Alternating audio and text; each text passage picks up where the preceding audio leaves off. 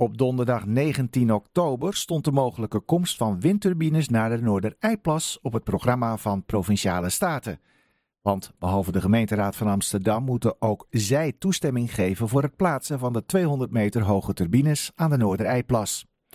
En ze namen er de tijd voor, want de vergadering duurde maar liefst 5,5 uur en dat kwam vooral door het grote aantal insprekers.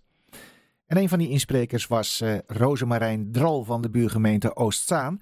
En uit haar bijdrage bleek meteen al dat het niet alleen om Amsterdam draait. Want doordat Amsterdam de windmolens neerzet op de gemeentegrens, hebben ook de omliggende gemeenten Zaanstad, Oostzaan en Landsmeer te maken met de gevolgen.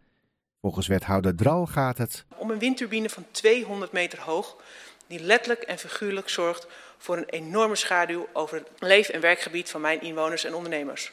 Ja, dit bezwaar lijkt wel erg veel op dat van de omwonenden aan het zijkanaal H, die tot dusver door de achtereenvolgende wethouders in Amsterdam werden beschouwd als een kleine groep belanghebbenden met vaak ongegronde bezwaren die het hogere doel van de energietransitie niet in de weg zouden mogen staan.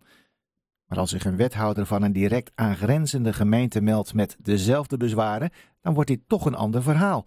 Zeker als ze ook nog meldt dat haar gemeente niet betrokken is bij het proces. Al in 2012 heeft de gemeente Amsterdam Noordereiplas aangewezen als voorkeursgebied voor de ontwikkeling van windenergie. Hierover heeft destijds geen overleg met de gemeente Ozaan plaatsgevonden. Nog zijn inwoners van Ozaan geïnformeerd, laat staan geconsulteerd. In 2020 tekende de gemeente Amsterdam en Amsterdam Wind een intentieovereenkomst voor de bouw van windturbines bij de Noordereiplas. Hier is evenmin overleg met de gemeente Ozaan en haar inwoners aan vooraf gegaan. Ja, wethouder Dral van Oostzaan was dat, die in antwoord op vragen van de VVD ook nog meldde dat Oostzaan zich genoodzaakt ziet om een aantal nieuwbouwplannen in die gemeente in de ijskast te zetten. Maar van de tegenstanders naar de voorstanders, want ook Amsterdam Wind sprak in. En dat is een samenwerkingsverband van drie corporaties die de turbines willen gaan neerzetten.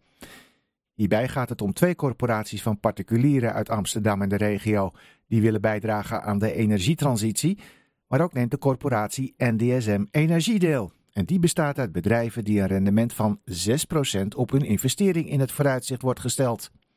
Amsterdam Wind vertelt heel graag haar eigen verhaal, maar schuwt de media en wilde onlangs bijvoorbeeld nog geen toelichting geven aan het parool. Maar op dit moment van de waarheid ontkwam men niet aan het beantwoorden van kritische vragen en de eer was aan mevrouw De Vries om de kastanjes uit het vuur te halen. En zij betoogde dat de windturbines aan alle eisen voldoen. Zeker voor wat betreft de slagschaduw stelt de corporatie zich volgens haar ruimhartig op. En ze zei het zo. 1 uur slagschaduw per jaar.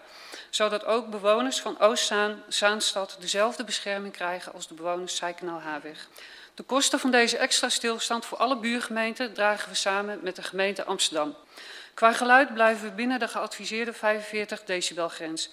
Hinder van de windturbines wordt hierdoor door een minimum beperkt. Ja, alles in orde dus volgens mevrouw De Vries van Amsterdam Wind die de molens willen neerzetten. Maar ook wel bijzonder, want de Amsterdamse belastingbetaler gaat dus meebetalen aan het stilzetten van de windturbines als er slagschaduwen ontstaan, zodat de corporatie haar deelnemers de beloofde 6% rendement uit kan blijven keren. Maar bij deze ruimhartig gesubsidieerde garantie rees bij de PvdA de vraag of de turbines dan überhaupt nog wel aan draaien toe zouden komen. Maar mevrouw De Vries zag hierin geen probleem. Het kan, het is, uh, het is haalbaar. Keerzijde is uiteraard wel uh, dat er daardoor ook weer minder opbrengsten te verdelen zijn. Nou, dit is wel een bijzonder antwoord, want wat er onder haalbaar wordt verstaan maakt mevrouw De Vries eigenlijk niet duidelijk. Maar wel geeft ze aan het zonde te vinden als de turbines stil zouden komen te staan, want dat levert natuurlijk minder geld op. En wethouder Dral van Oostzaan, we hoorden haar eerder al, had er ook daarom haar twijfels bij of die molens bij slagschaduw eigenlijk wel stilgezet gaan worden.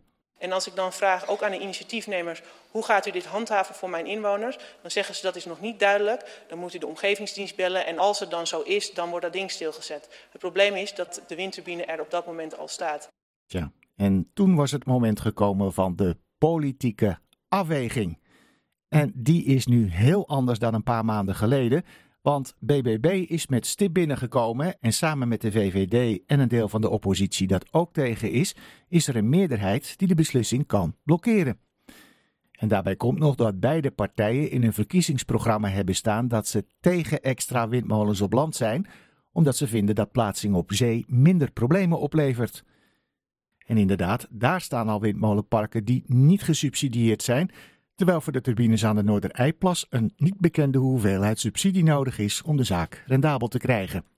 En bovendien staat er niets over windmolens in het coalitieakkoord, zodat BBB en VVD zich in principe vrij kunnen voelen om te beoordelen of de Noordereiplas een geschikte locatie is en of de procedures ook met de randgemeente goed zijn doorlopen. En wat dat betreft had Bas de Wit van de VVD een aantal bedenkingen, waarbij hij zich hardop afvroeg of de buurgemeenten Zaanstad, Landsmeer en Oostzaan wel voldoende waren betrokken bij de plannen.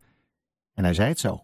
Het zou ons een liefding waard zijn als we niet gaan uitwerken op een manier dat alle gemeentes al hun initiatieven naar de randen van de gemeentegrenzen duwen en daarmee het probleem van hun buurgemeente juist verergeren. Ja, en daar ziet het bij de windmolens aan de Noordereiplas natuurlijk wel naar uit. En dan, last but not least, de BBB. In Noord-Holland vanuit niets ineens de grootste en ook op dit punt heel kritisch. Woordvoerder Michel Becker liet al doorschemeren zich tijdens een eerdere niet-openbare technische sessie door ambtenaren nonchalant behandeld te voelen, wat hem alleen nog maar kritischer had gemaakt. Ja, BBB heeft uh, bij de gevraagde verklaring van geen bedenkingen voor het windpark Noorder-Eiplas te Amsterdam juist nog heel veel bedenkingen en deze zijn alleen maar toegenomen. Daarnaast heeft uh, eh, BBB nog vragen betreffende gezondheidseffecten ecologische gevolgen. In hoeveel draaien de windmolens nu per dag wanneer er maar één uur per jaar slagschaduw mag zijn? Verder is de BBB na onze gesprekken met buurbewoners en een aantal omliggende buurgemeenten en de insprekers vanavond niet overtuigd of deze in het participatietraject voldoende zijn meegenomen. Ja, en na zo'n tekst kun je je natuurlijk nauwelijks nog voorstellen dat BBB voor gaat stemmen. En ook de VVD is dus heel kritisch.